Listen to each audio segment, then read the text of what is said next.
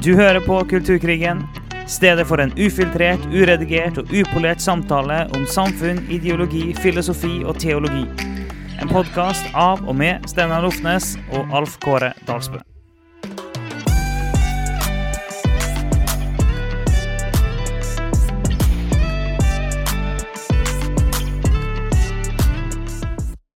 Yes, da er vi inne fra Kulturkrigen igjen. Og vi tar opptak på 1. mai, faktisk. Så vi feirer eh, arbeiderdagen, eller arbeidernes fridag, med å ikke ta fri. Og det har vi egentlig, synes jeg litt ekstra gøy. For at 1. mai har aldri vært stått veldig høyt i kristenheten. Har det? Nei, det, vi kan jo selvfølgelig prøve å eh, provosere noen én gang med å si det. vi tar ikke fri når arbeiderne skal ta fri. Vi fortsetter å produsere. Så jeg vet ikke, Hva, hva forhold har du til 1. mai, eh, Truls? Ja, egentlig ikke noe sterkt. Jeg var, var med på ett 1. mai-arrangement en gang. Første året jeg var lokalpolitiker. Og da skjønte jeg at på det arrangementet der hadde jeg egentlig ikke noe å gjøre. For da var det sosialisten som sto og ropte i mikrofonen om eh, ja, klassekamp og ting jeg ikke skjønte så mye av. Så jeg skjønte at jeg var på feil, feil plass. Og siden har jeg egentlig ikke dukka opp. sånn arrangement.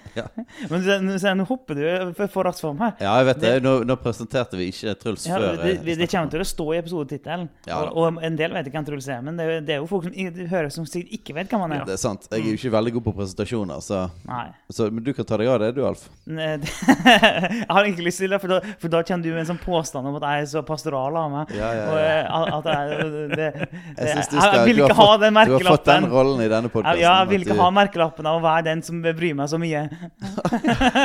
Skader det ditt litt sånn kyniske image? Ja, med, med mitt kyniske macho-image som jeg desperat prøver å opprettholde. Ja, riktig. Ja, ja. Men um, en en del lyttere uh, vil jo huske at vi snakka med deg, Truls, eh, for et halvt år vi har snakket rett før jul. Den kom ut i romjula, mener jeg husker. Mm. Enten er romjula eller rett før jul, husker jeg helt. Da kom eh, episoden med deg ut. Men, men da satt du hjemme oppe i Mm. Hammerfest, og vi satt her i Bergen. Men nå så sitter vi jo samla her i Bergen, i eh, Evangeliekirken, hvor eh, vår menighet holder til. Men eh, si noen ting om hvem du er, og hva du gjør. Ja.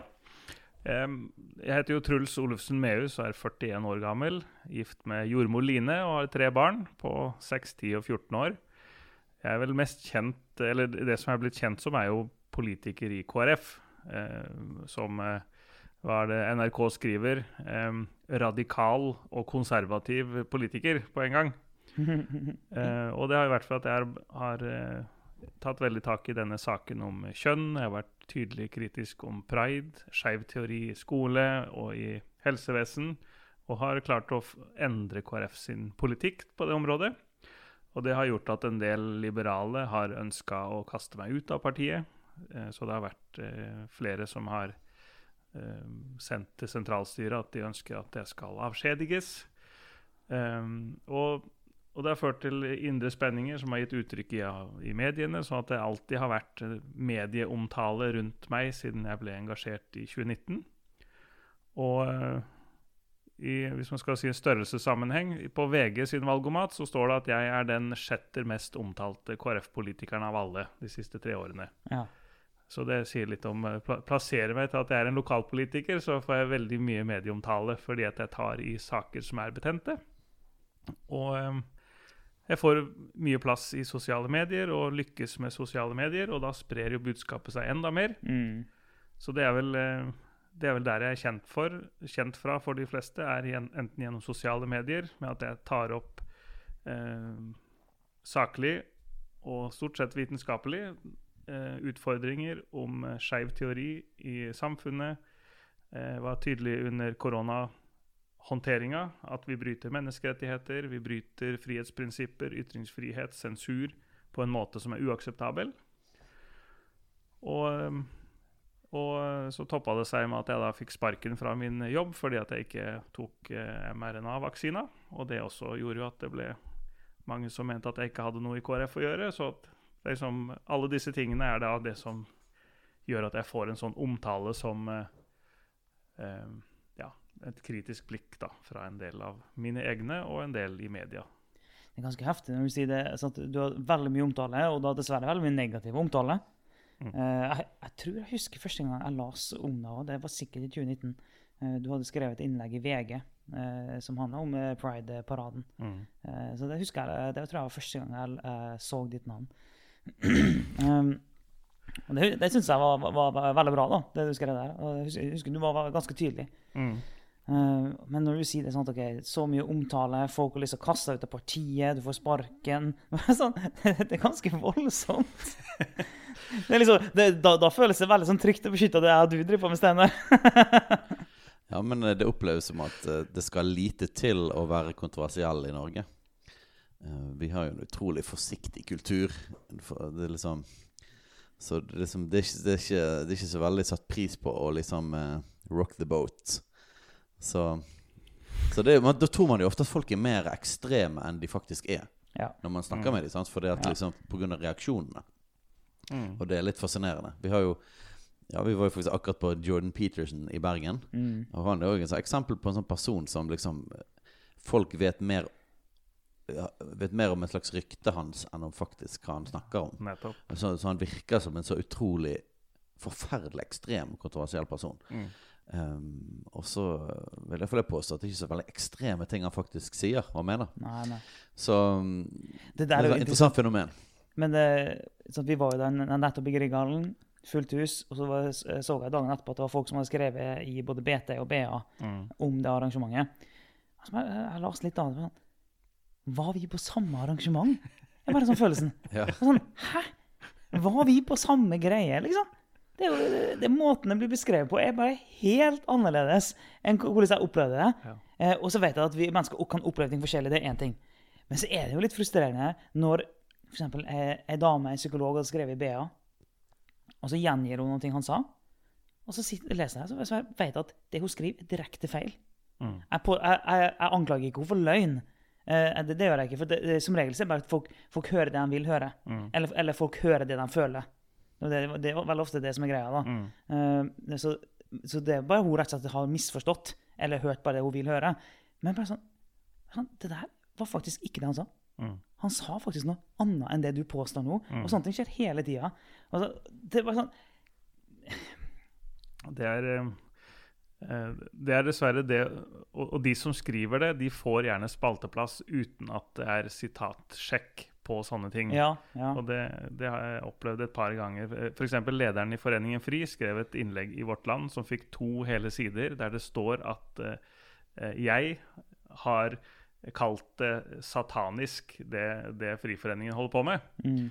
Uh, mens det som var realiteten, var at noen hadde kommentert på min Facebook-side 'Dette er satanisk'. Og, da, og, det, og dette her jeg visste, jeg, jeg, Og når jeg da ser at det er på to sider i Vårt Land, og så spør han håper Jeg forventer at ledelsen i KrF tar avstand fra dette, fra, fra sånne type feil eller ja, radikale utsagn som ikke er sann. ikke sant? Mhm.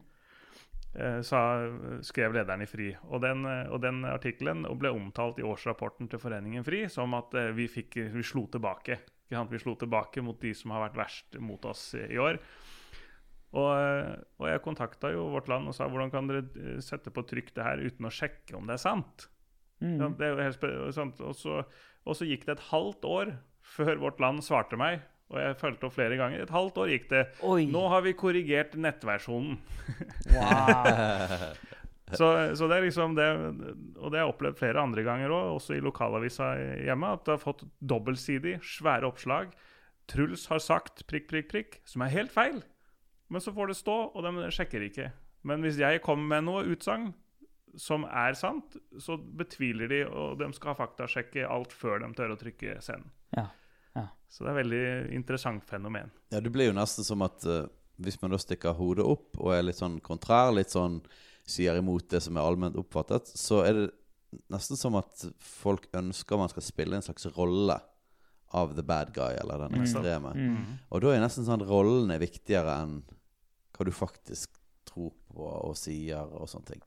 Så da er det nesten som man kan si hva som helst at denne personen sier. For det, ja, det fyller en slags inn rolle på en Ja. måte. Ja, men da passer det inn i narrativet. sant? Ja. Og hvis du kan være the bad guy, Mm. hvis du kan være den onde, så passer det inn i hele deres narrativ om virkeligheten.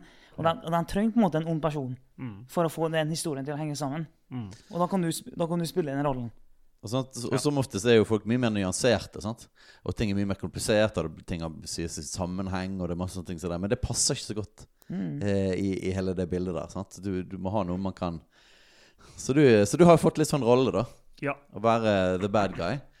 Um, både for uh, blant mer forsiktige kristne eller i, i, i politikken. Mm. Så, og i media. Så det er jo spennende. Da er du rett person å snakke med oss her på Kulturkrig. Ja, vi har jo veldig spennende ting vi skal gå inn i i dag. ja. Uh, vi tenkte å begynne med noe av det dere har eh, jobbet med en del. Uh, du jobber jo Dere starter jo en organisasjon eh, som jobber med rett og slett foredrag og reiser, Du reiser mye rundt i Norge eh, og forteller om sånn hva som skjer i det vi kaller kulturkrigen. Mm. Eh, og så har det vært noe oppslag eh, rundt noe av det du har jobbet med i det siste, nemlig lærebøker.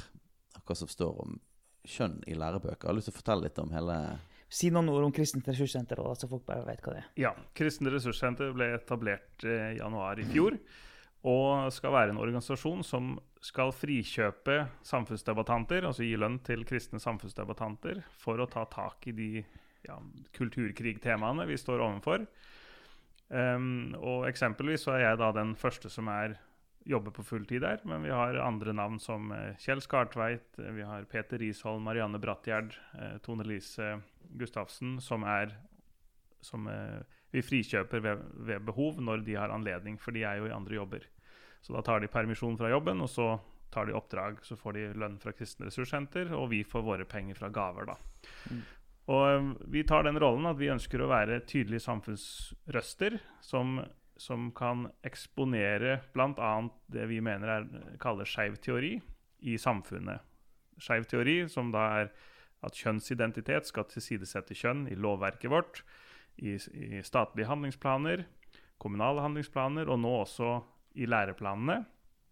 Så i det som heter kompetansemål i læreplanene, så er det nytt av eh, Fra 2021 så er det, så er det blitt praktisert at i kompetansemålene i naturfag fra 4. klasse så skal barn kunne samtale om kjønnsidentitet.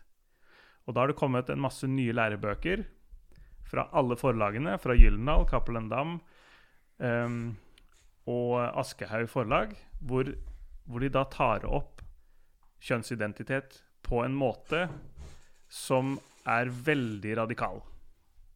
Så de funnene vi har gjort, det vi har gjort, vi har gått gjennom alle skolebøkene som er tilgjengelige, og sett hva av skeiv teori har de putta inn i lærebøkene. Og det, det vi har funnet, for å ta de overskriftene, det har vi lagt ut på en nettside som heter skeivteori.no. Vi har laga en nettside som heter Skeiv teori, sånn at vi da tar eierskap til det, den uh, teorien som er veldig dominerende i landet. du må ikke definere og hva er skeiv teori. Ja, skeiv teori det, det kommer fra det engelske begrepet queer theory, som er eh, en eh, normkritisk tankegang fra sånne filosofiske tenkere som Judith Butler, eh, som John Money og, og Kinsey, som, som er sexologer fra 50- til 80-tallet og 90-tallet, som har eh, egentlig sagt at kjønn er en sosial konstruksjon. Barn er født som blanke ark, som kan være hva som helst hvis vi lærer dem opp til hvordan de kan være, være hvilket kjønn som ja, hvilket kjønn som helst. De er blanke ark. De kan være hvilket kjønn som helst, og vi kan lære de opp til hvilken legning som helst. Det er omtrent det det, det handler om. Så skeiv teori er da en teori om hvordan kjønn skal forstås, og seksuell orientering skal forstås, og alt som har med sex å gjøre, har sexpositiv filosofi som utgangspunkt.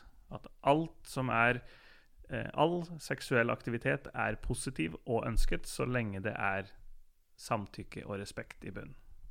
Det er utgangspunktet for skeiv teori.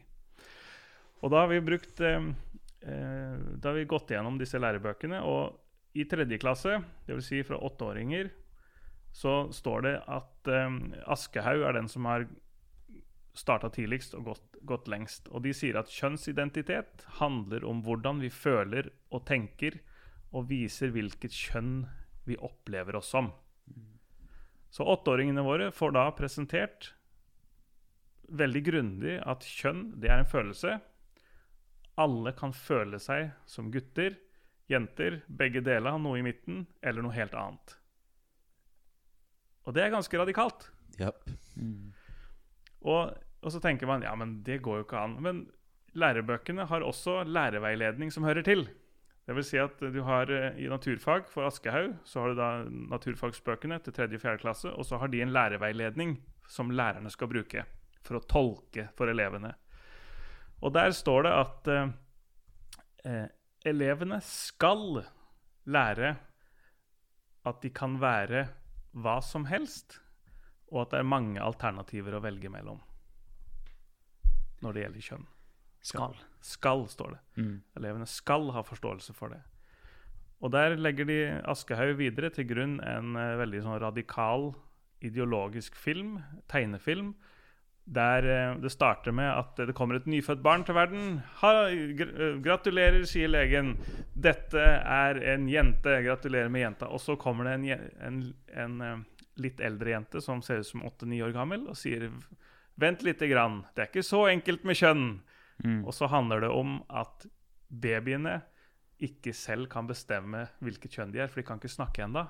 Så man må vente til barna er gamle nok til å selv definere sitt kjønn. Det skal barna se i 8. klasse. Så dette her er så radikalt, og det er så drøyt, og funnene er mye verre enn vi trodde.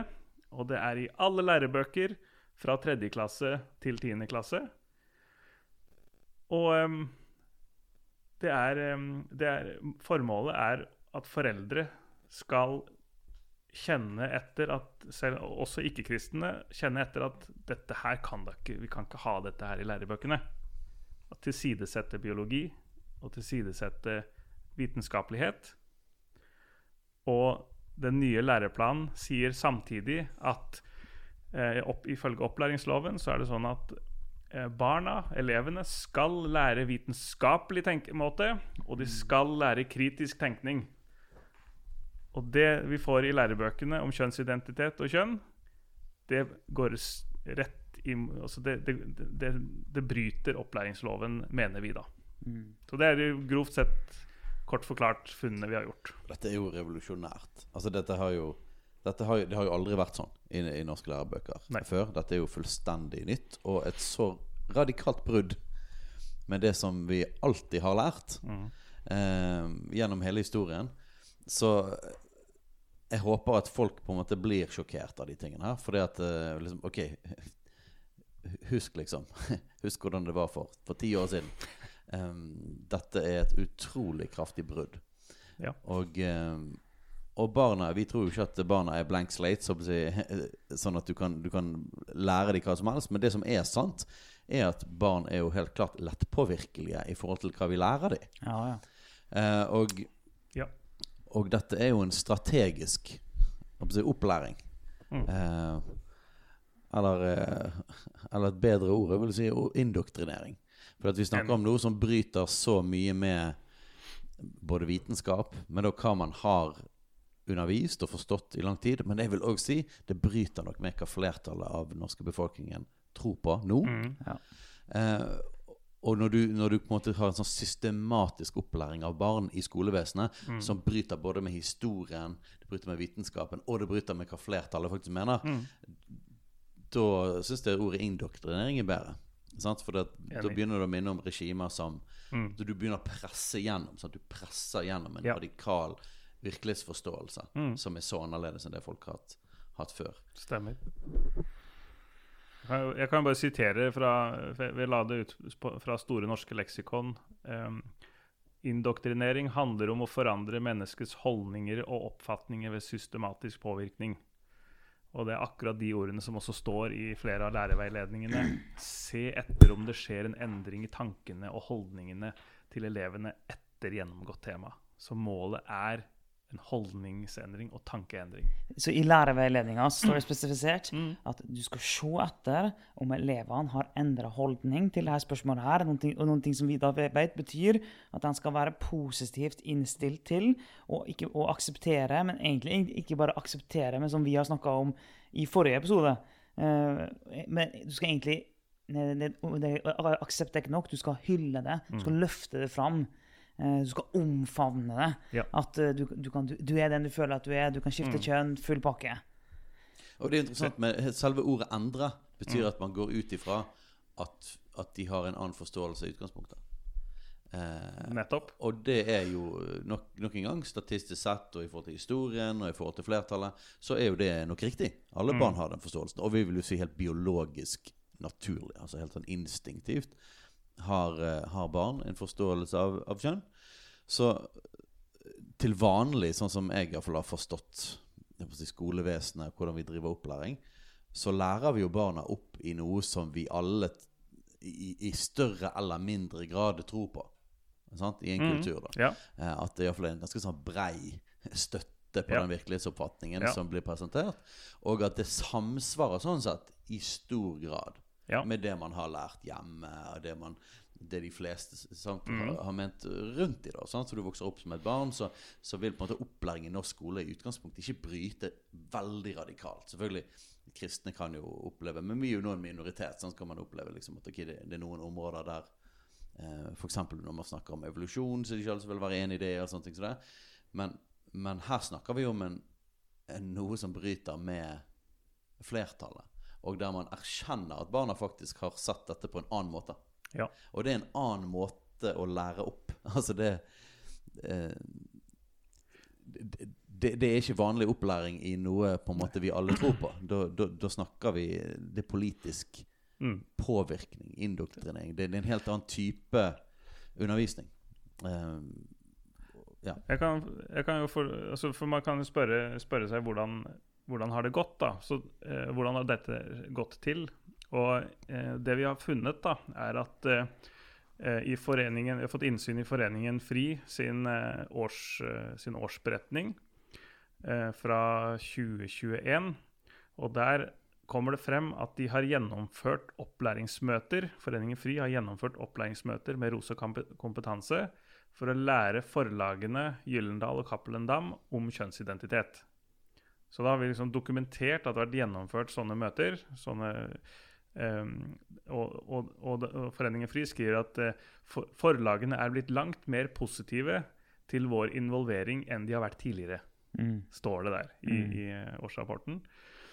Og, uh, og når du da har en interesse, skeiv interesseorganisasjon som Foreningen FRI er, som fremmer skeiv teori, det, er- det, og de har definisjonsmakten over alle begrepene Ja. Fordi regjeringen har laga en handlingsplan for, for LHBT-personer. Og, og i den handlingsplanen så ligger det en LHBT-ordliste til slutten, som regjeringen og hele samfunnet skal forstå altså hvordan det er å være skeiv ut ifra. Og den ordlista er laget av Foreningen FRI og Skeiv Ungdom. Så de har da definisjonsmakten i Norge på hva alt som defineres som skeivt, seksuelt eller har med kjønn å gjøre, har de fått. Og nå har de gjennomført opplæringsmøter med eh, forlagene. Men ikke bare det. Vi har, få, vi har også funnet fire samarbeidsavtaler der Foreningen FRI har samarbeidsavtaler, forpliktende samarbeidsavtaler med de største lærerorganisasjonene og de største elevorganisasjonene i landet. Der det står at alle medlemmene skal få opplæring i skeiv teori gjennom Rosa kompetanse.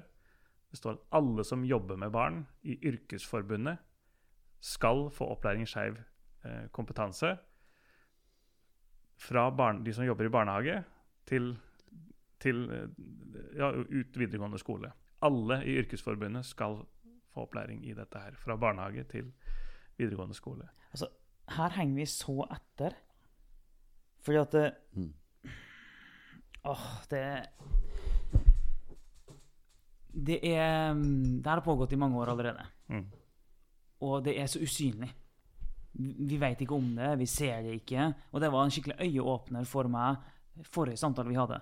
Når du øh, viste oss denne handlingsplanen til regjeringen. Mm. Og du forklarte oss hvordan det fungerer. At hvis den blir vedtatt, så vil det på en måte trickle down. Det vil, så, så alle andre handlingsplaner videre nedover i s- byråkratiet og systemet vil rette seg etter den overordnede handlingsplanen.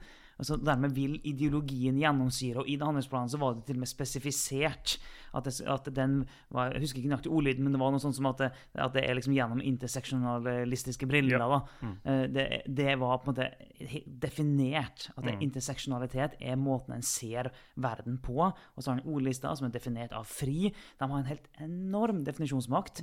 Og så har de jobba opp mot, de opp mot regjeringa for å få sånne handlingsplaner som påvirker hele eh, byråkratiet i Norge.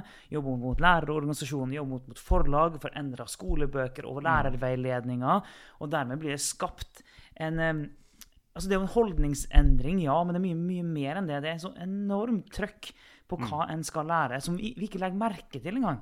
For Det er så skjult. Hvem av oss er det som, som uh, finner sånne samarbeidsavtaler? Hvem av oss er det som leser lærerveiledningene, egentlig? Vi leser skolebøker når barna våre har, har dem, men ikke ellers. Så vi får det knapt med oss. Hvor- Hvordan de har jobba i mange år på, langs mange ulike akser. Og sånn, all ære til dem, altså. Herlighet, de har vært dyktige. De har vært kjempeflinke. Det må jo være den mest eh, effektive lobbyorganisasjonen og, og påvirkningsorganisasjonen som har vært i det vestlige demokratiets historie. Ja, de, er omtalt, eh, de er omtalt i internasjonale dokumenter om hvordan man med suksess Norge er omtalt som suksessland, hvordan du kan endre lov, lovendringer for, for skeive. Nettopp. Så, nettopp. så det, de, ja, de har fått anerkjennelse der. Og da er jo de tre hovedargumentene, eller de tre hoved... Um, ja, De tre tingene som de sier at det har vært mulig å endre samfunnet på, det er å unngå overdreven pressedekning. Ja. Ja. Og det, det, når jeg oppdaga det, så tenkte jeg da må vi bare kjøre på med medier, skrive artikler, lage filmer, bare Ja, ja. vekke folk. Og, og få de på hælene. Så det, det er jo det som når jeg oppdaga at Friforeningen skrev at de i 2020 var det året vi har fått Det er vel veldig mange, særlig kristne konservative, som har, som har gått hardt ut mot oss og gjort det vanskelig for oss Mm. å arbeide. Da tenkte jeg yes, da er vi på rett vei, så da fortsetter vi med det. Og, og, men, men den organisasjonen, at den har unngått pressedekning og infiltrere ungdomspartiene, Mm. sant? det har de lykkes med. Og Ja. ungdomspartiene har jo fått så mye makt i Norge at eh, eh, det er kanskje noe, det neste man bør tenke på. Bør ungdommer som ikke har et levd liv bak seg, ha så mye politisk makt som de har, når de er så påvirkelige? Ja. Mm. Og, og, og de har fått eh, veldig mye makt. Og eh, ja, unngå overdreven pressedekning. Og når det er en annen sak som opptar hele mediebildet, da skal man pushe lovendringsforslag når andre saker stjeler fokuset til media. Altså, det er faktisk definert. Ja, det er Eh, er, det, er jo, det er jo en ting vi har mistenkt lenge. Ja. Mm. For vi har jo sett mønstre. Mm. Men, eh, og, det, og det går helt tilbake til når ekteskapsloven eh, ble endra i 2008. Ja, var. Mm. Måten den ble dundra igjennom på. Mm. Eh, knapt uten vanlige prosedyrer og høringer, og akkurat når eh, alt annet hadde roa seg. sommerferien de fleste Ja, ja, det var sommerferie ja. og hele pakken og sånn. Og Det mønsteret har vi sett igjen før. Ja. Men at det er liksom så tydelig definert, Mm. det, det er jo ikke noe overraskende. For igjen, de har, de har bare vært veldig taktisk uh, gode. Ja, men, men de jo, det som har vært spesielt, er at Foreningen FRI har nå eh, rundt 4000 medlemmer. Og, de, og de er et talerøret til alle som definerer seg som skeive, og har all definisjonsmakt og skal være i alle offentlige prosesser og alle offentlige debatter eh, med, som det talerøret de har fått. Og, og eh, med så få medlemmer så betyr det at med så få medlemmer, og jeg tror medlemskontingenten er på 100 kroner, så er det ikke mange, mye penger det er for å drifte en sånn organisasjon. Men når de samtidig får 25-30 millioner i statlig støtte for å, De får penger av staten for å påvirke staten. Ja. Det er jo det det handler om, og det, Ja. det er jo det som er absurd. Ja, det er utrolig merkelig. Og, og, og i, i den ene læreboka eh, til, til Cappelen Dam, så er, det, så er det i ene kapittelet så, i, klasse, nei, i fjerde klasse så, så er det et kapittel om, eh, om pride. Der barna skal lære hvilke holdninger de har til pride.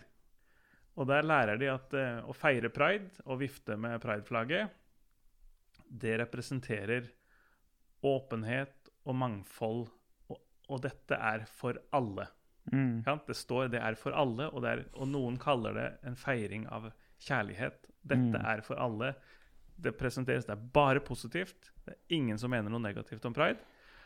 Og så kommer det sånn spørsmål etterpå i slutten av kapitlet. Hvordan kan man gjøre det bedre? Kan, hva kan man gjøre for mer mangfold i skolen og gjøre det tryggere for alle? Det er jo svaret å feire pride på skolen, selvfølgelig. Og, og i lærerveiledningen så er det interessant, fordi der står det til slutt at man eh, eh, Helt til slutten så står det Åpne opp for elever som måtte mene at pride ikke bør markeres på deres skole. Men be i så fall om saklige argumenter. Og sørg for at samtalen ikke sporer av og utvikler seg i retning av å bli krenkende for noen parter. Hæ? Ja, og jeg regner med at den terskelen er ganske lav. Ja, og, men, men, men, men, men, men sånn, på, på, Finner du det forbeholdet på andre ting? Nei. Sannsynligvis ikke på noen andre ting. Så det er altså, med en gang det- en er imot pride, så legger en inn et forbehold da, om at da er det sannsynligvis usaklig. Og den vil sannsynligvis spore av, og den vil sannsynligvis være krenkende. Så det må læreren være ekstra bevisst på. Mer bevisst enn på alle andre temaer læreren går igjennom. Så du, tenk, men bare hør på det kravet du legger til en niåring. Som sier jeg syns ikke vi skal øh, den Ja. rekker opp handa. 'Jeg har ikke lyst til å feire pride', jeg. Mm. da må jeg høre saklige argumenter fra deg. Mm. Ikke sant? ja. Hva, slags, hva, hva er det for en ting å, å si? Altså, og det, dette her går rett på foreldrene, ikke sant? For at de vet jo at hvis barnet er negativ til det, så er det fordi foreldrene er det. Mm. Ja. Men nå kommer jo skolen med svaret på hva som er rett å mene. Mm. Og da er det sannsynligvis foreldrene har feil. Så dette er, dette er noe som eh, eh, Vi håper den, de, disse funnene da kan, kan, eh, kan trigge flere. Og eh, jeg utfordra jo dagens journalisten på at den, hvis dette her eh, ser ut til at det tar av, så kanskje dere kan følge opp med å spørre, spørre alle partilederne hva de syns støtter deres parti, dette opplæringsopplegget i, i forlagene, i lærebøkene. Men de har ikke gjort det ennå. Men det mener jeg burde gjøres. For Mm. Det har vært interessant å høre hva alle stortingspartier mener om innholdet i disse. F.eks. Ja. Rødt de ville, og MDG ville sannsynligvis sagt yes, og SV, dette her støtter vi, mer mangfold. Høyre sikkert, og Arbeiderpartiet og altfor mange ville sannsynligvis tenke at dette er positivt for mangfold. Det skal, alle skal kunne være seg selv sånn som man er. Ja, vi, vi, vi gikk jo ganske inn i det temaet i forrige episode, faktisk. Da vi snakket Som om vi kaller totalitære regnbuefarger. ja, og Da tok utgangspunkt i på en måte alle disse her regnbuegangfeltene som har kommet her i byen. da Som, ja, har vi eh, fått det, ja? ja, Ja. Alle bydeler har nå sånne Ja, det, skal regnbuegangfelt. komme, og det skal komme flere. Ja, og, eh, og de forventer at fylket òg følger opp. Det sa kommunen. De forventer det. Eh, og, eh, og så var det det, Det var en sak fordi at det var noen eh, i da en bydel her Mm. Så var det noen som hadde tatt noe gråmelding på et sånt uh, Kan, kanskje. For det, jeg så det bildet, og det var, det var ikke det, Altså, hvis den virkelig har prøvd å Ja, ja. Og, og hvis virkelig har prøvd å gå inn for å ødelegge det, det For det første, det var ikke mye. Det dekka ikke, det dekket ikke nærheten halvparten engang. Ja, det var litt splashing. Det var litt splashing. Det, så, for meg så det mye mer tilfeldig ut. Ja. Men likevel. Men anyway, det ble en stor sak om det, for det var jo noe, noe av det mest horrible som har skjedd her i byen. Og de var helt rista! Eh, så saken om at noen kanskje hadde hadde øh, ytret seg negativt til disse regnbuegangfeltene, det var jo en, en, noe av det mest sjokkerende Mm. som kunne tenkes. Så vi, så vi leste litt gjennom de tingene der. Men det, det, det handler liksom om den derre Det, er- det fins ikke mulighet, altså, Mm. for at du kan At du kan være negativ. Det er Her er det bare å smile. Staten sier her, Mm. her må du bare smile og si jippi og hurra. Mm. Og hvis ikke, så er du veldig en problematisk person. Um, så det er en utrolig sånn rar, klam, autoritær opplevelse. da Ja. Rundt. Og det skal inn i barneskolen. Så ah, Ja, nei, men du, Truls. Um, hva, hva bør vi gjøre? Og, og uh, dette gjelder jo spesielt kristne foreldre. Eh, Men det gjelder jo òg flere. Det er ikke bare kristne som hører på den podkasten heller. Um, hva bør eh, foreldre gjøre i forhold til eh, disse lærebøkene? Ja um, kan, bare Før jeg på det, så må jeg kanskje si at ja, hvor er det så nøye, da? Ja, fordi at Hvis folk er litt nye til dette, her, er det så nøye da? Kan, hvorfor legger vi oss opp i dette her? Jo, det er fordi at konsekvensene av alt dette er at det har vært en eksplosiv økning av barn og ungdom som vil skifte kjønn. Ja, de settes Ja. på medikamenter, de, de ødelegger sitt eh, fremtidige sexliv, de blir livslange pasienter. Um, selvmordsraten eksploderer etter gjennomgått behandling osv. Så, videre. så dette er kjempeproblematisk. eh, at, vi, at det er så mange som eh, At vi tillater at barn eh, blir livslange pasienter når de ikke har kompetanse til å vite hva de sier ja til. Med dette her. I løgnen om at de kan skifte kjønn, for det går ikke. Så det er, det er derfor vi ønsker å stoppe det, fordi konsekvensen er dramatisk. Ja. Har du, uh, har du noe Jeg har hørt mange fortelle om sånn ekstrem prosentvis økning de siste årene. Det gjelder jo hele Ja. den vestlige verden. Har du noen tall fra Norge på de tingene? Ja, i Norge, i, i Norge så var det eh, Det var en årlig dobling i over ti år. Så? Det er voldsomt. Så det gikk fra at det var et titalls personer Et titalls personer i landet eh, i, i 2010, til at det nå, nå snakker vi om at med de tallene som kommer fra eh, aktivister som Espen eh, Ester Pirelli Benestad, Oslo helsestasjon for kjønn og seksualitet og Rikshospitalet, så er vi, nå snakker vi om at det er eh, Nå er vi på over 1000 mennesker i, i året som, eh, som, som hvis, jeg, hvis man summerer de tallene, så er det rundt 1000 i året jeg tror vi ligger på nå. Eh, og, og det betyr at vi har Det er også masse mørketall som vi må ta høyde for. Eh, det er eh, mange som bestiller hormoner på nett. Mm. Og, det, og det tallet har vi ikke. Vi aner ikke hvor mange som bestiller hormoner på nett. Og eh, bare for å ta det, så er det at eh, i, i, da, de som selger den, den største som selger det i USA, det er Planned Parenthood. Planned Parenthood er den organisasjonen som også formidler altså abort mest. Det er liksom Businessen deres er abort, prevensjonsmidler, og nå kjønnshormoner. Og de selger det på nett. Og da er det sånn at I Norge så er jo Planned Parenthood det er sex og politikk. Organisasjonen Sex og politikk, som har 10-12 millioner i støtte. Og de driver òg med lobbyering for dette her. Så, så det, er, eh, det er stor tilgang på. Mange bestiller privat, og vi vet ikke hvor omfattende det er. Og vi vet heller ikke hvor mange som går til private kirurger for å få fjernet brystene sine av jenter. Men det er, den, det er den operasjonen, den kirurgiske inngrepet i USA, som det er flest av. Og det er å fjerne brystene på friske tenåringsjenter. Så det er, det er stort, og det er, det, er, eh, det er det som er det makabre. Mm. At i toleransens navn så holder majoriteten kjeft. Mens alle vet at det er galt. Mm. Og, um, så hva kan foreldre gjøre, da? For, for det første så er det jo det, altså, det jo Alle bør jo tilegne seg mer kunnskap. det, er nok bare bra å, å gjøre. Men på skeivteori.no så, så legger vi ut flere og flere bøker, sånn at foreldrene kan sjøl se hva som står i bøkene til deres barn eller deres barnebarn. Og, eh, og det er kun foreldrene som vil ha massene til å gjøre noe med dette her. Fordi at sånn som politikkens vesen er, så er det, det er ingen politikere som vil gå ut og kritisere dette her, for de er usikre på om det kan koste dem deres posisjon.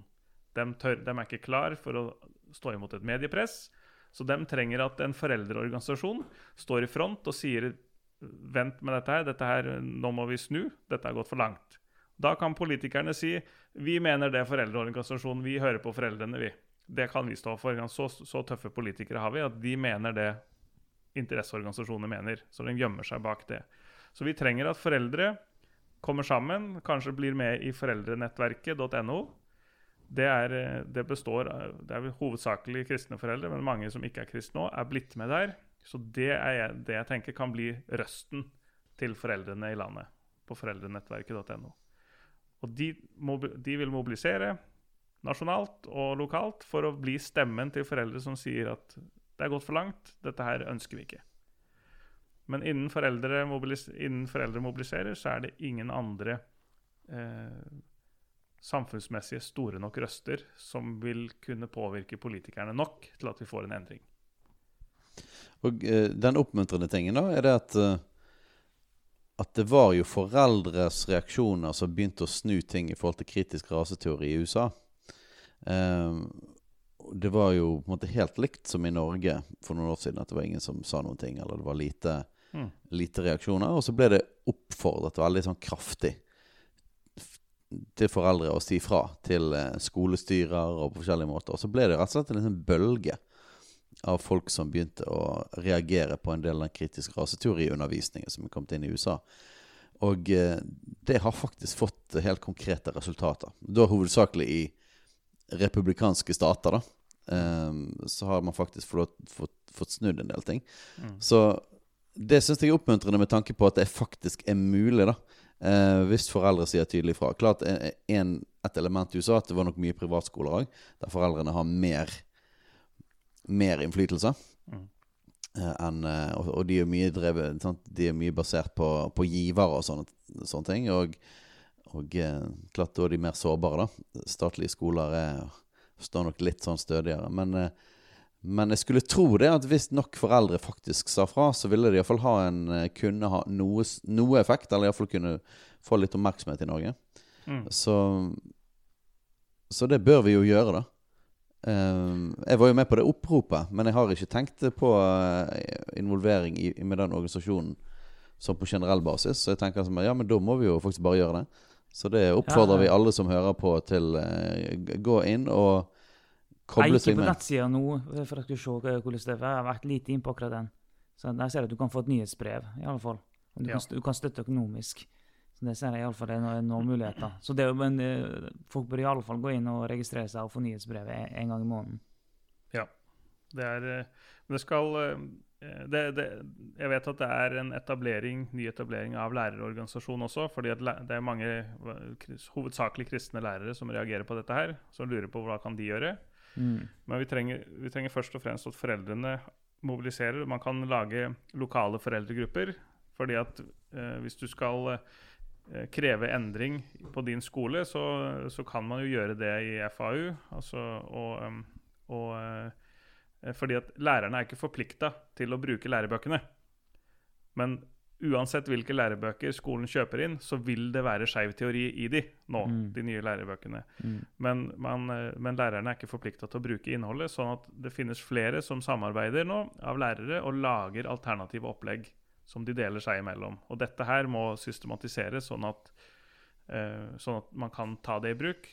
Men vi, først og fremst må vi få det ut igjen av lærebøkene. Vi får det bort fra læreplanen. At dette her er det barna skal lære. Men det er jo bare toppen av isfjellet, dette her. Fordi at eh, de, etter hvert som jeg har gått gjennom lærebøkene, så har jeg, jeg har jo iblant omtrent blitt eh, deprimert fordi at det er så full av annen type ideologisk overbevisning òg. Mm. Det normkritiske eh, blikket, eh, feminismen Altså det er eh, Foreldre fremstilles som problem med at det er foreldrene som, som tvinger, deg, tvinger barna inn i roller det ikke er sikkert de ønsker å ha. Ja. Så i, i, i, i Cappelen Dam eh, Unnskyld, Gy- Gyldendal i, i tredje klasse, så er det som det første du får lære om kjønn, er at uh, det er forventninger til kjønn. Og det kan være forventninger fra foreldre og besteforeldre som kan presse en inn i yrker og roller man ikke vil ha.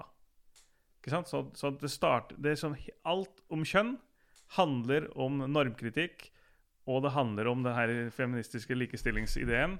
Og det er, eh, og det er mange andre ideologiske strømninger som, som gjennomsyrer veldig mye av det barna skal, skal inn i. Ja, for én ting er jo liksom pride seg sjøl, eller skeiv teori i seg sjøl, sånn, men det er jo akkurat som du sier, det er jo de brillene som blir satt på. Det er verdensbildet som fremmes. Måten en ser verden på. Som på, all, på mange andre typer saker òg, så er det med, et, med en spesifikk virkelighetsforståelse. Som bryter ganske fundamentalt med en kristen virkelighetsforståelse. Så det det er en solid utfordring for eh, foreldre i dag også, å navigere i det der og oppdra barna sine og veilede barna sine der. For at, uh, før så var i det minste Det var nå i det minste en, en til dels kristen virkelighetsforståelse, kan du si, Mm. i mye av det som ble lært. Så den trengte ikke å være så på i forhold til det. Mens nå bryter såpass mye med måten kristen ser verden på, Ja. at vi som foreldre må være skikkelig på med ungene våre. Ja. Og det er, og jeg er jo helt i startgropa på det. Sånn, eh, min eldste går i første klasse. Mm. Er, og, og gikk i en kristen barnehage òg. Nå går han på offentlig skole. Mm. Så det er egentlig først nå, snart, at han vil begynne å komme i kontakt med det. Så det, det skal bli interessant å, for meg å oppleve. da. Ja. Jeg, kan jo si det at det er jo ikke bare naturfag, eh, bare for å ta, ta det, hvor, hvor omfattende det er. Det er i, eh, det er i eh, naturfag først og fremst, hvor det introduseres først. Og så kommer det i samfunnsfag i 5. klasse. Eh, og så kommer det videre i KRLE i 7. klasse. Og så er det innslag av det i engelsk, noen engelskbøker. Eh, og i det tverrfaglige faget livsmestring er det også overrepresentert LHBT-fokus. Eh, og, og fra første klasse av så innføres begrepet identitet. At barna skal lære at de er sin identitet. Fra første klasse. Den du er, du er din identitet. Wow. Hvem er jeg, skal de lære seg å tenke. Og så lærer de seg å tenke identitets... At identitet, det er den du er. Og det står også i læreveiledningene. Så, så står det, det er ideologisk beskrevet i flere av lærerveiledningene, så er det ideologisk forståelse av identitet. Mens det er mye mer komplekst enn det. Mm. Så det er en sånn forenkling. Som det vil si at man tenker i bokser. Du er din identitet. ok, Hva kan du være? Jo, du kan være en minoritet. Minoritetsidentitet. Um, og, du, og, og da får man alternativene. Etter hvert så får man alternativene med kjønnsidentitet. Og så kommer seksuell identitet i, eh, i eh, syvende klasse. Så at det er liksom, du lærer barna fra første klasse at du er din identitet, og så etter hvert så kommer da de identitetene du kan velge mellom, som Ja. stammer fra skeiv teori, Ja. normkritisk tenkning, og, og det gjør at man tenker Man får en helt eh, omvendt forståelse av hvem man er, Mm. og man lærer at det er en menneskerett å definere seg selv. Ja, I praksis da, så lærer en fra første klasse av at en kan definere sjøl hvem en er. For, Ja. for, okay, for, for når du snakker om identitet, så vil jeg Mm. da anta at det er fokus på at en sjøl finner ut hvem en er, en sjøl definerer det, en sjøl Mm. er på en reise for å utforske det, Ja. og at det handler mye om hvordan Eller egentlig handler alt om egentlig eh, hvordan en opplever seg sjøl. Mm. At det er identiteten, hvordan du opplever deg sjøl. Ja. Og der, og der er vi helt uenige. Vi mener at identiteten din kommer ikke fra innsida. Vi mener ja, men, den kommer fra mange andre faktorer. Det er jo ikke subjektiv i det hele tatt, egentlig. Mm. I, I en kristen virkelighetsforståelse så er jo ikke identiteten subjektiv i det hele tatt. Nei. Nei, og, og, og et av de funnene, bare for å nevne det, i tredje klasse i Cappelen naturfag og samfunnsfag, så står det i, i, eh, i kapittelet om jenter og gutter, så står det at um, Han skrev faktisk jenter og gutter. Ja, der var det jenter og gutter, og det er interessant. Men der står det da eh, noen viktige rettigheter er retten til å være seg selv. Mm. Ikke sant? Og det handler om å være seg selv. Du er din identitet. Ja. Og dette er gjennomgående i, i opplæringen. Så, så det, foreldre må være klar over at barna, det, det virkelighetssynet som barna får av dette her, det, det har, får veldig mange problemer i senere tid. Mm. Og, og ja, indoktrinering, som jeg har vært inne på, det er det det ligger an til. Mm. Og foreldre må organisere seg. Og det jeg kan, det jeg kan nevne òg, er at i eh, Ikke bare foreldre, men som kristne så er det, så er det kommet til det at i eh, Det er mange som ser at det er gått for langt. Men hvorfor skal noen ta til orde for dette her? Bare fordi at det er rett Altså bare fordi det er rett å snakke sant om kjønn. Hvorfor skal man ta til orde for dette her hvis man ikke er kristen, og man vil risikere økonomi, inntekt, venner, familie, karrieremuligheter. Det er det du risikerer ved, ved å snakke sant om det. Det er, ingen, det er ingen andre i samfunnet som vil ta den risikoen bare for, at, for sannhetens skyld. Mm. Så du har noen eh, feminister som roper høyt om det, men utover det så er det kun, det er kun kristne som har interessen og egentlig da ansvaret til å gjøre det. For at det er, du kan ikke forvente at noen andre skal ta den jobben. Men klarer man å mobilisere først med lærernettverk, nei, foreldrenettverk og så lærernettverk, så vil flere hive seg med. Men det er kristne som må, må ta ordet først og sette seg inn i det og bruke stemmen sin. Og det får meg til å tenke på at eh, sånn som eh, eh, du Steinar, eh, med denne podkasten sånn, Ja, vi, vi er jo en stemme, og vi tar en plass, og det er viktig, og det skal vi gjøre. Eh, men det trengs virkelig folk også, som, som deg, Truls, og andre, for å etablere ja, foreldrenettverk, lærernettverk, begynne å jobbe og faktisk vi må jobbe, vi må jobbe med påvirkning, vi må jobbe med politikk. Og den tingen der er jo ikke, det er sånn, det er jo ikke yep. vår sterke side. Det, det er ikke der jeg og du er utrusta, Eh, Så vi, vi må på en måte finne vår plass midt oppi det her. Og det er jo det det vi driver på med nå. Men vi er helt avhengig av at flere reiser seg, og innenfor det feltet som du jobber, da. Det er jo, det er, for hvis ikke, så fortsetter det bare. Ja, skal jeg, skal jeg peke kort på hvor det fortsetter til? Ja, Ja, ja, ja, la oss gå der med. ja. Jeg kan si um, det, det høres ut som det er ille nå. Eh, Men i 2021 så, så holdt Helsedirektoratet, FHI, Barne-, ungdoms- og familiedirektoratet og Utdanningsdirektoratet et, en innspillskonferanse som handler om hvordan kan vi innen 2030 likestille seksuell helse med fysisk og psykisk helse. Så i dag i utdanning så snakker man om at er, det er to helser vi snakker om. Det er fysisk helse og psykisk helse. Og nå skal et tredje helseområde inn, som er seksuell helse. Mm. Og det kan sikkert høres For noen, vil sikkert tenke at ja, sånn, ja, men det er jo reelt med seksuell helse sånn. Men, så, eh, men da må man forstå ideologien, da. Det er jo ren ideologi, og det handler jo om seksuell identitet. Derfor må man også ha en seksuell helse. Mm. Det er det folk må forstå her. Mm. Det er, og seksuell helse går fint innenfor eh, Hvis en skal snakke sånn klinisk om det, så går det fint innenfor fysisk og psykisk helse. Ja. Så seksuell helse er ikke en egen greie. Det går fint inn under det psykiske og fysiske. Så når det snakkes om her, det er ren ideologi. Mm. Det er det. Um, seksuell helse som begrep er jo endra. Uh, frem til 2010 så handla det om kjønnssykdommer og hiv. Ja. Men så nå er, eh, for jeg, jeg har prøvd å finne den vitenskapelige definisjonen på seksuell helse. Og der, det jeg har funnet, er at seksuell helse er et begrep som er i stadig endring både i praksis og i innhold. Og da, og da er spørsmålet hvem er det da som sitter på definisjonsmakta ja. for seksuell helse? Mm. Vel, ifølge Helsedirektoratet, de inviterte jo da i den innspillskonferansen, så var det jo alle de skeive interesseorganisasjonene var til stede.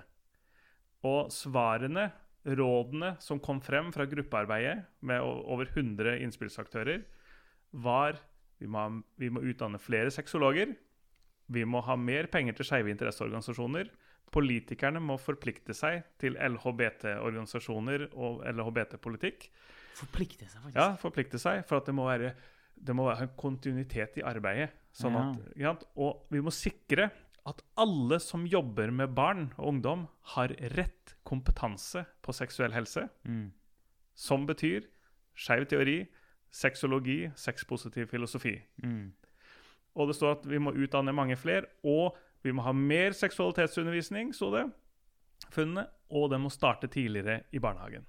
I barnehagen. Fordi barn har seksualitet Og det er jo og seksuell helse. Det er jo noe det, det er jo det mest ironiske tingen ever at seksuell helse blir så løftet opp, og så vet vi at resultatet av det er jo mer seksuell forvirring enn noen gang. Mm. Altså, så det, det er som alle, alle liksom, eh, metodene da, for å tilsynelatende bedre seksuell helse, Mm. det er jo ingredienser for å Det er jo som å slippe en bombe inn i seksualiteten. Um, så, så, så det er jo måte Det er så tragisk, hele, hele greien. Altså det er systematisk jobbing. For noe de da tror da vil føre til noe bedre for, for flere folk. Mm. Um, men, men som, som du nevnte i forhold til eh, hele transgreien, så er jo selvmordsstatistikken Det går jo opp etter at man har forandret på ting. Noe som ikke er rart i det hele tatt. Mm. Altså liksom Du har gjort inngrep i kroppen din som du Mm. ikke kan reversere. Og så merker du det ikke hjalp. Det er ganske heftig. Det skapte ikke den på en måte lettelsen eller gleden Mm. som du forventet. Eh, og pluss at du faktisk tar hormoner som gjør at du Mm. forstyrres Du forstyrrer jo din egen syke. Eh, det, er jo, det er jo ikke noe noen som allerede har det vanskelig, da. Så pumper man de full av Gjør man disse fysiske inngrepene, Mm. og forstyrrer rett og slett hele følelseslivet Mm. med, med stoffer. Mm. Det, det er jo ikke rart at, at det fører til mer problemer, da. Ja. Så snakker man liksom om å lage liksom en kur Mm. som rett og slett er, er sykdommen i seg sjøl. Ja, og en mannehjerne er jo ikke skapt eh, til å eh, håndtere eh, den mengden med kvinnehormon, og en kvinnehjerne og kropp er heller ikke skapt for å håndtere den mengden av testosteron som de får inn. Og vi vet jo det der, altså, gjentatte ganger, men det, det er jo det at vi vet at helt ned i cellene Mm. våre så har du XX og XY-kromosomer. Mm. Helt ned i cellene. Mm. Ja, minst, ned liksom i byggesteinene i kroppen vår. Helt ned der så er det ikke bare menneske. Det er faktisk mann og kvinne helt ned i cellene. Så skal du virkelig lykkes med å skifte kjønn, så må du lykkes med å skifte alle celler i hele kroppen din. Det må skiftes. Og det går Så- ikke, ja. Og det går ikke. Det er komplett umulig. Og det er derfor vi sier det at det finnes absolutt ingen mulighet til å endre kjønn. Og derfor når du pumper inn hormoner som denne kroppen her og alle Mm. cellene her ikke er skapt for, så blir det trøbbel. Ja, og det øker, altså, det øker jo også drastisk eh, sjansen for å få kreft, og for å få hjerteproblemer og, og slag. Det er jo ikke noe rart det når du tukler sånn med kroppen. Nei, det er ikke rart. Men, men jeg kan si da, at eh, ja, det er, vi, vi ser statistisk sett så, så mangedobles risikoen for selvmord etter transisjon, som det kalles. Men svaret på det, som fra skeive interesseorganisasjoner, det er ikke det vi sa nå. At selvfølgelig så, så oppstår det, eh, det Vi merker at det endrer ikke de indre tankene og, og alt det der. Det de sier, er at nei, men det er fordi at samfunnet er ikke åpent nok. Ja, Mm. ja. ja. Fordi at når du har, Hvis du har gjennomgått transisjon, så merker veldig mange med få, med få, Det er noen unntak, så merker mange at at du er ikke faktisk biologisk jente eller biologisk gutt etter transisjon. Mm. Og det er samfunnet sin feil. Det er derfor man alltid skal spørre om pronomen. For da, da kan alle få sjansen til å definere seg selv før samfunnet definerer de. Mm. Så det er samfunnet er enda ikke åpent nok. Og det sa jo Erna Solberg da hun var statsminister. Vi har en lang vei å gå enda, vi har en kamp enda for at alle en dag skal kunne være seg selv uten sanksjoner fra omgivelsene. Mm. Ja. Og det er jo interessant hvordan eh, Hvor instinktivt vi egentlig reagerer på disse tingene. De vil jo mene at det selvfølgelig er av at vi er vi er flasket opp med konservativ tankegang og, og, og, ja, og, kristen tankegang. det, det er konstruert, at det er det som skaper de reaksjonene. Men det er interessant hvor, hvor rent bare sånn der fysisk Jeg var jo akkurat i USA, så flere transpersoner der enn jeg vant med i Norge. Eh, og jeg syns det var så interessant at jeg kunne Jeg sto og betalte i en kasse, og så bare hørte jeg en stemme bak. Og så bare kunne høre at det var en transperson. Og så snudde jeg meg, og så så jeg det var en mann som gikk ut Prøvde å være kvinne. Eh, og det er jo på grunn av at disse kjønnshormonene gjorde noe med stemmen. Ja. Som lagde en, en, en veldig gjenkjennelig stemme som var ikke kvinnelig, men den var mannlig, men merkelig. Mhm. Og dette var jo ikke noe liksom sånn Jeg har jo ikke studert dette. Eller, det er bare helt inn, bare, du bare hører det med en gang. Ja. Hvorfor hører man det? Nei, fordi man har hørt menn og kvinner hele livet sitt. Mm. Og plutselig så hører man noe som er annerledes enn det og bryter med det, men jeg kan likevel høre er en mann. Så før jeg har sett personen, så vet jeg det. Mm. Det er så instinktivt, det. Mm. Og det er akkurat samme når du ser noen. Mm. Så på en måte Det som vi har blitt lært Ikke lært opp til teoretisk, men rett og slett gjennom erfaring gjennom livet vårt Mm. fra vi er barn, i forhold til gjenkjenne mennesker, ansiktsuttrykk, kropp, kroppsspråk, alt mulig. Det er, vi, vi instinkt reagerer sånn på det. Og det er utrolig trist for, for disse her transpersonene og de som prøver å skifte kjønn, Mm. er det at folk vil, folk vil oppfatte det Ja. med en gang og reagere instinktivt med å synes at dette er litt ubehagelig. De aller, aller fleste vil det. Og det er Og det er som du sier, det er, det, eh, vi vet jo at vi mennesker vi er ekstremt gode på å Altså, vi er gode på å vel- Veldig ofte ubevisst, da, men gjenkjenne mønster. At det ligger i ubevisstheten. for det er opp en trening, sånn at, så, vi og, så når ting er annerledes, så legger vi merke til det. Mm. Og det er sånn du, du, du, Vi har eh, blitt trent opp til å høre kvinners stemme og mannens stemme hele livet, og så plutselig hører du ting som bryter med det du har hørt hele livet. Så sånn er vi jo. Og det er sånn når, vi ser folk I nesten alle tilfeller så klarer vi å se om det her egentlig er en jente eller gutt. Ja, aller fleste tilfellene. Det finnes noen få unntak hvor faktisk eh, fall på bildene da, så, så kan, kan ikke jeg klare å si det.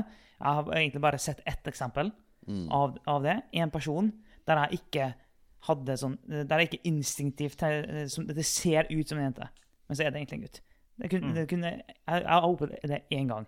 Så det klart det finnes eksempler på det, men i nesten alle tilfeller så bare ser du at Ja. det, det, det, her, det her er enten en gutt eller en jente. Men det, mange av de bildene, da, for å si det, mange av de bildene i lærebøkene eh, eh, som brukes nå fra, fra 5. klasse, så, så kommer det bilde av en sånn eh, kjønnsuspesifikk person. Ja, det i kapitlene. Ja. Sånn at det brukes gjennomgående, dette her. Um, For å lære oss opp til å kjenne, gjenkjenne det. da Fordi at det, Du har ett bilde som liksom gått igjen i, i kapitlet, og så plutselig på slutten har du tenkt over hvilket kjønn eh, hvilket kjønn er det som var på bildet. Og så er det jo egentlig umulig å se. Altså for sånn, kan, være, kan være kanskje en av delene. Og det samme er den opplæringa man får av og til tegneseriefigurer. Som, som Er dette en jente eller en gutt? Det kan du ikke vite, for de har jo på seg klær. De kan uttrykke sånn og sånn, sånn at man lærer at det, kroppen, kropper er ikke kjønn lenger. Mm. Det er det man skal lære med dette her. Så man prøver jo å trene vekk denne her instinktet som vi snakker om, da, som Ja. egentlig er ganske biologisk. ja, Det er jo, det er jo et ganske ambisiøst prosjekt. ja, Eh, å snakke om sosial konstruksjon. da Man vil jo Ja. prøve å sosialt konstruere dette vekk. Men de tror jo på sosial konstruksjon, altså det er ikke så rart. De tror jo at det bare kom i utgangspunktet for sosial konstruksjon. Men det er bare, nok en gang så blir man helt sånn her Det er helt utrolig Kan mennesker egentlig tro på disse teoriene på egen hånd, og på en måte se vekk fra det fysiske i så stor grad? Det er nesten så utrolig for meg. At de faktisk tror på sin egen teori. Nei, altså Det er eh, eh, Men tv tvilen, det, det er nok. Altså det, barna Ja. skal lære tvil. Barna Ja. skal lære at det er tvil i alt. Du skal alltid gi tvil. Altså, tvilen er den du skal styre etter, fordi alle kan være alt. Så det, det er tvilen du skal om, omfavne, da. Det- det- må Du bryter opp eh, sånn kategorier, sant? Så det, det ja. Ja, for, men det her kan sikkert noen- noen som kan bli å provosert, også, men jeg skal dra den sammenligningen her. Men eh, det her handler jo om at du, eh, du ødelegger sannhetsbegrepet. Mm -hmm. uh, og det er jo er, er, er noen ting som f.eks. KGB, Sovjetunionen, var kjent for, så er det deres desinformasjonstaktikk. Og hva er det de gjør, og som de også har gjort i Ukraina-krigen òg, hva er det de gjør? Jo, det er ikke at de, det er ikke at de nødvendigvis prøver å fortelle én historie, en mothistorie til på en måte sannheten. Nei, de bare kaster inn masse ting, masse desinformasjon, for at det skal være umulig å vite hva som er sannheten. Det er det som taktikken. Taktikken er ikke å vinne fram med sin historie. Taktikken er bare at ingen skal ha mulighet til å vite hva som er sannheten. Og det er akkurat det samme som skjer her. Du kaster inn sånn, du lager karakterer, så det er helt umulig å vite om det er gutt eller jente. Og så jobber du med det. sånn at det, og jobber inn hele denne greia med at det, som du sa det med tvilen, det skal være umulig å vite. Hva er det som er riktig? En vet ikke hva som er sant, en Ja. vet ikke om det er gutt eller jente. Og, og, og så skal man være tvile, da. Og, um, og det er jo fordi at eh, hvis en virkelig tror på sannheten, Mm. så må, eh, går det ikke an å tro på sann... Altså, ehm, sånn, sånn, sånn som vi tenker, er jo da objektiv sannhet. Mm. Altså, men, ja, ja, men skal en kunne holde fast på en subjektiv sannhet, så må jo folk kunne definere det sjøl. Det kan ikke være ting utafor som definerer det. Og Eneste måten å komme dit på, er jo at det ikke finnes noen ytre standarder. Ingen objektiv standard, ingen ytre myndighet. All autoritet og myndighet må legges i personen sjøl.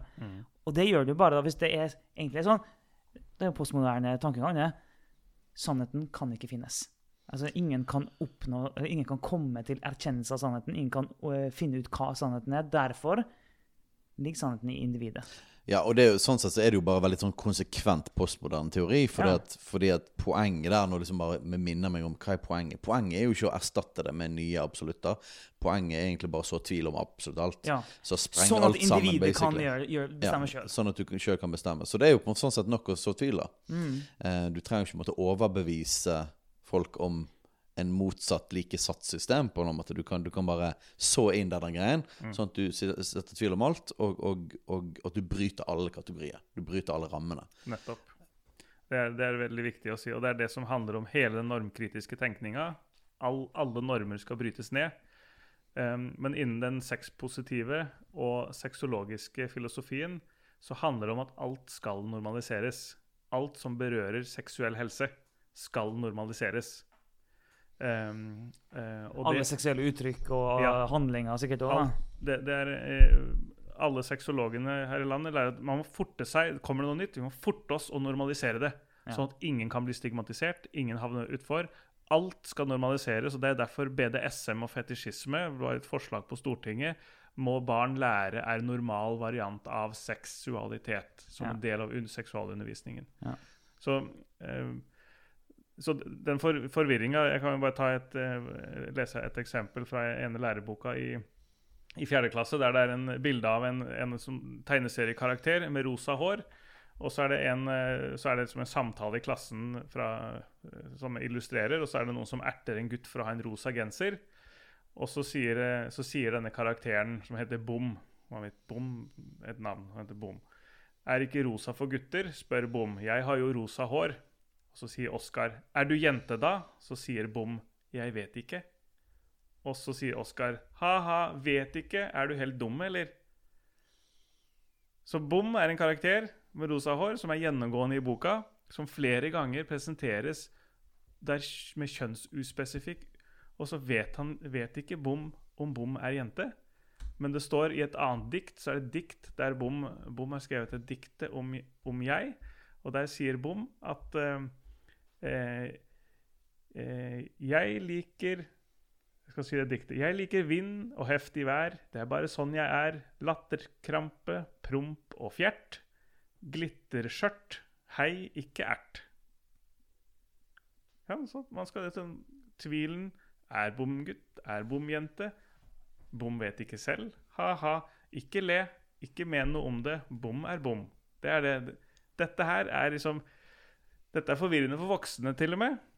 Og, og, og barna skal lære dette her. Den, så den tvilen med seksuell helse er jo at det handler om definisjonsmakt videre. At nå i um, seksuell helse, som skal få mer og mer plass i samfunnet Det skal jo bli en menneskerettighet.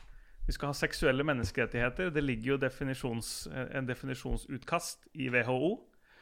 Og i det øyeblikket det blir menneskerettigheter, så havner vi jo der at de som definerer hva som er gode og rette seksuelle menneskerettigheter, Sannsynligvis er det ikke de kristne som definerer de.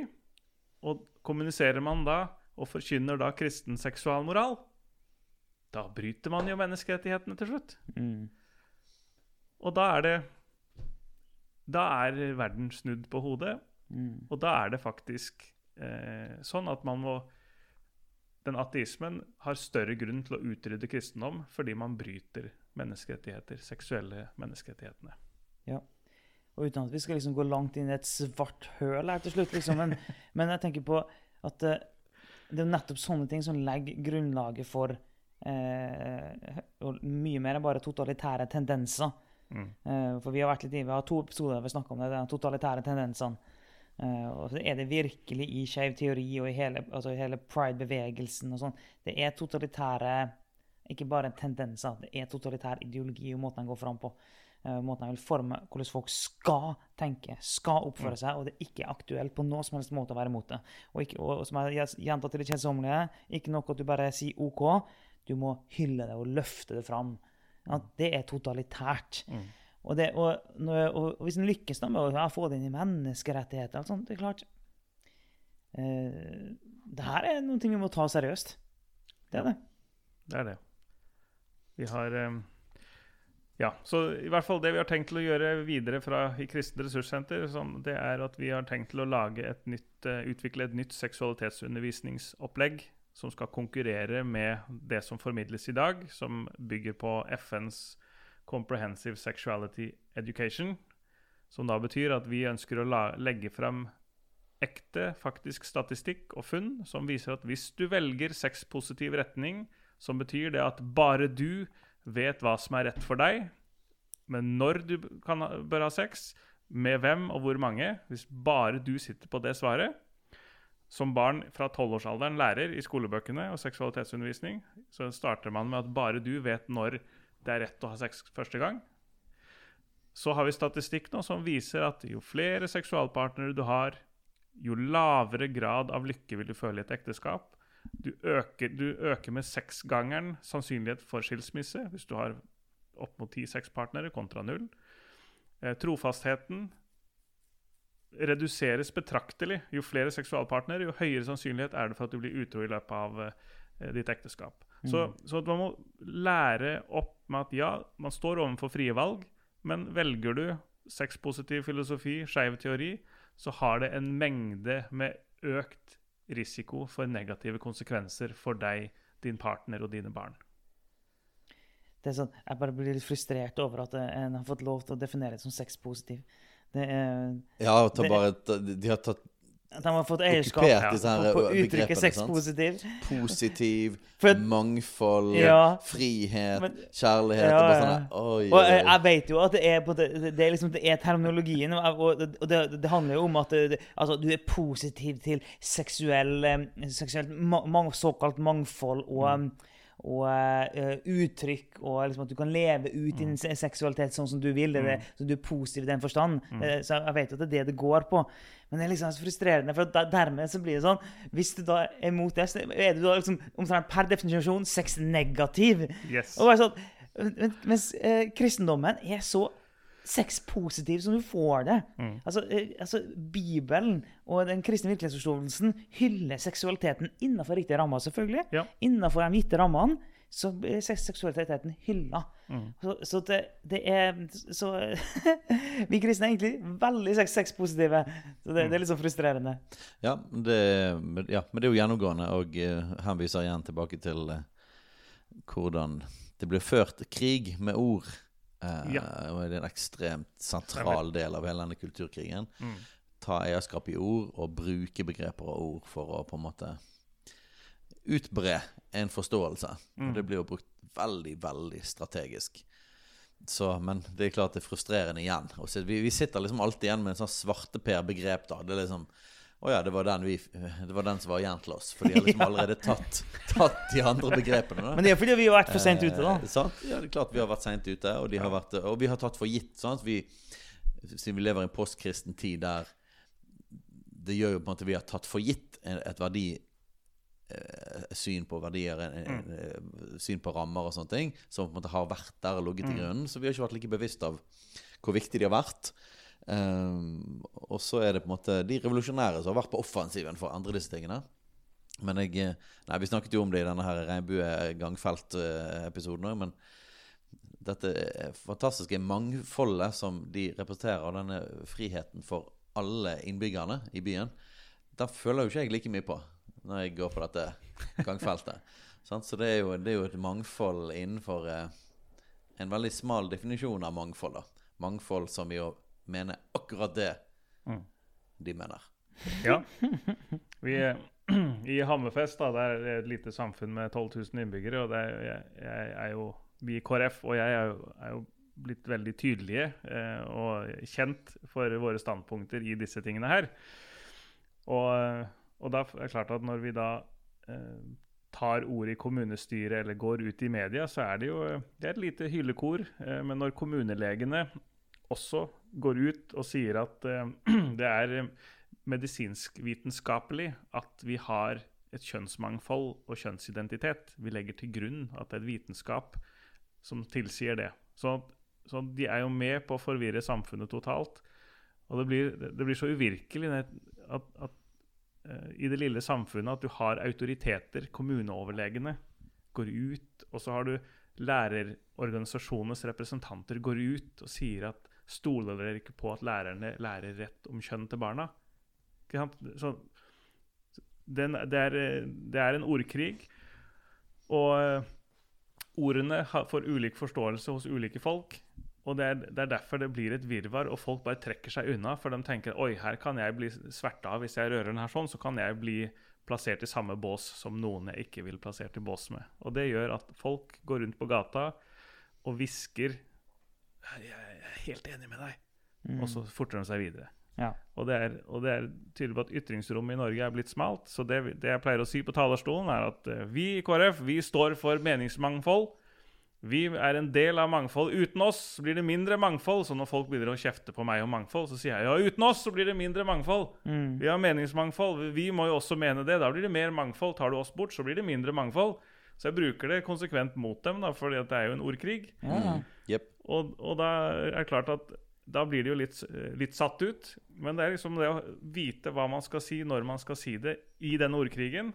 Og alle kan ikke vite alt om det, men de som står, står i bresjen, veldig, vi blir veldig glad når vi får en klapp på skuldra, en hyggelig melding, eh, som en anerkjennelse. Du trenger ikke å være enig i alt, men du anerkjenner at noen i hvert fall tar en jobb som man sjøl helst ikke vil eh, berøre. da. Yes. Jeg tror vi skal bevege oss eh, mot slutten, men jeg hadde bare lyst til å ta akkurat den, for du, snakket om disse kommunelegene, og, og sant, vi har vitenskap på dette. Og da, jeg har snakket med flere som har blitt litt forvirret av dette her begrepet vitenskap eh, inn i hele denne kulturkrigen. Og da tror jeg vi må, vi må understreke at her er det forskjell på forskjellige grener av vitenskapen. Leger skal jo i utgangspunktet forholde seg til, eh, til medisin og biologien. da. De handler jobber hovedsakelig med kroppen. Vitenskapene de sikter til, er sosiale vitenskaper. Mm. som kjønns, eh, kjønnsforskning, f.eks. Mm. Det er jo teknisk sett en vitenskap. Det blir jo undervist på universitetet, og, og eh, det blir drevet forskning på. Mm. Men det er jo en forskning som bryter med den klassiske vitenskapen. Det bryter med den moderne vitenskapen. Det bryter med den vitenskapelige metode. Eh, de tror ikke på det. De kritiserer jo hele den vestlige, moderne vitenskapen og er jo imot den. Eh, men de har jo klart å få, få denne herlige statusen. Som, eh, som vitenskap likevel. men, men da tenker jeg det, så skulle gjerne snakket med den legen om det. At hva vitenskap er det du snakker om her? Det er vel kanskje ikke en leges ansvar å representere kjønnsforskning. Eh, og forskjellige sosialvitenskaper. Sant? Det er de som står for disse tingene. Mens, mens biologien gjør jo ikke det ennå, heldigvis. Eh, og eh, så vit det, folkens, når dere hører folk snakke om vitenskap inn i denne settingen her, så bør man skille på hva vitenskap vi snakker om. Og ref. Harald Leias program om kjønnsforskningen for en del år siden. Eh, der eh, han går ganske kraftig i rette med på en måte hva egentlig slags vitenskap de egentlig driver med. Ja, men det jeg kan si som forvirrer mer, er at de legene henviser til medisinens biopsykososiale kjønnsbegrep. Ja. Og Ja. når, når man får det i ansiktet, så blir man helt paff. Hva i all verden mener du med det? Mm. Så det lanseres nye begreper for å øke bare forvirringen, så at eh, ja eh, Så fremmes det som vitenskap. Altså medisinens biopsykososiale kjønnsbegrep er Så det er eh, ja, så i den grad leger selvfølgelig skal ha med, med, med psykisk helse og sånne ting å gjøre, så selvfølgelig de har litt grann å gjøre, så, så kan man jo bringe inn alle disse typer sidene òg, som er full av ideologi. Eh, men, men dette er ikke det samme som matte, for å si sånn. Vi snakker ikke om vitenskap som, er, som er, kan etterprøves på den måten. Nei. At 1 pluss 1 er 2. Eh, dette er en helt annen type vitenskap. Ja, og den klassiske vitenskapen handler jo om å beskrive virkeligheten. Mm. Eh, altså, og det er derfor du har sånn Ting skal prøves igjen og igjen under samme forutsetninger. og Hvis du oppnår samme resultat på gjentagende ganger, jo, da kan du bedømme det som at ok, her er det noe som er objektivt. Det, Den klassiske vitenskapen er jo objektiv i sin natur, med forsøk på å objektivt beskrive virkeligheten. Og så vil det alltid Det, det er jo ikke en, det, det beskriver ikke hele virkeligheten, det beskriver den delen av virkeligheten vi har forstått til nå. Det er derfor vil den utvikle seg. Men med en gang du putter inn at eh, folk kan subjektivt definere ting, Mm. det er da det ikke lenger er klassisk vitenskap. Ja. Og nok en gang, vi har ikke noe imot det. Det er helt greit at vi forsker på alle disse tingene. Men, Mm. men dette, det er blitt en så stor greie i kulturen vår med at hvis du kan bare klaske på bordet med at det er vitenskapelig bevist et eller annet, så er det på en måte done deal. Eh, Og da er det greit for folk å vite det at eh, man kan ikke bare slenge ut ordet vitenskap, og så er da den saken Mm. over. Eh, Det finnes mye interessant der ute som kalles vitenskap. Så, men det var nå bare en liten siste greie. Men utrolig fint å snakke med deg, Truls. Og alltid opplysende og sjokkerende. og og Ja. vekkende. Det, Eh, det var det forrige gang òg, og det var det på nytt igjen i dag. og eh, og det, det vil vi at det skal være. Eh, Vi, vi håper at det ikke bare kan føre til at eh, mange folk som går rundt og rister på sine hoder, men at det kan føre til mer forståelse. Eh, mer oppvakthet, mer våkenhet i forhold til disse tingene. Men òg bevissthet i forhold til barna sine, i forhold til skoler, i forhold til hvordan vi snakker. Eh, og det at det kan skape mot òg, i forhold til å være motstemmer rundt omkring. For stillheten og det å holde hodet nede, det er en strategi vi har prøvd lenge nok. Eh, og det eneste resultatet er total overkjøring. Ja. Eh, så vi, vi kan ikke holde på den strategien lenger. Kan ikke det. Nei, så da står vi opp for sannheten for kjønn. For det er eh, Hvis man kan så tvil om hvilket kjønn man er, det er da har man sådd den ultimate tvil. Mm. Så den må vi stå opp for.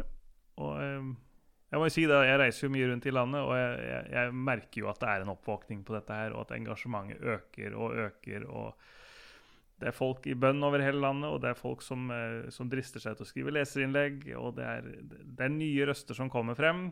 Yngre og yngre som kommer frem. Så jeg er positiv til at vi vil se en endring. Eh, men vi trenger fortsatt å hjelpe hverandre, vi som, vi som er opptatt av denne tematikken for våre barns skyld. Mm. Ja. Da avslutter vi, Alf Kåre. Da har du ditt siste ord. ja. Nei, jeg har ikke et siste ord. Nei. Nei, men vi ønsker deg lykke til videre, Truls. Ja. Og, og eh, ja, begeistret for det du holder på med. Og eh, oppfordrer alle igjen. Bruk Kristent ressurssenter. Ja. Både på nett og, og inviter de inn. Inviter de ulike ressursene der inn. Gjør det. Yes. Tusen takk for det. Takk for at jeg fikk lov å komme igjen.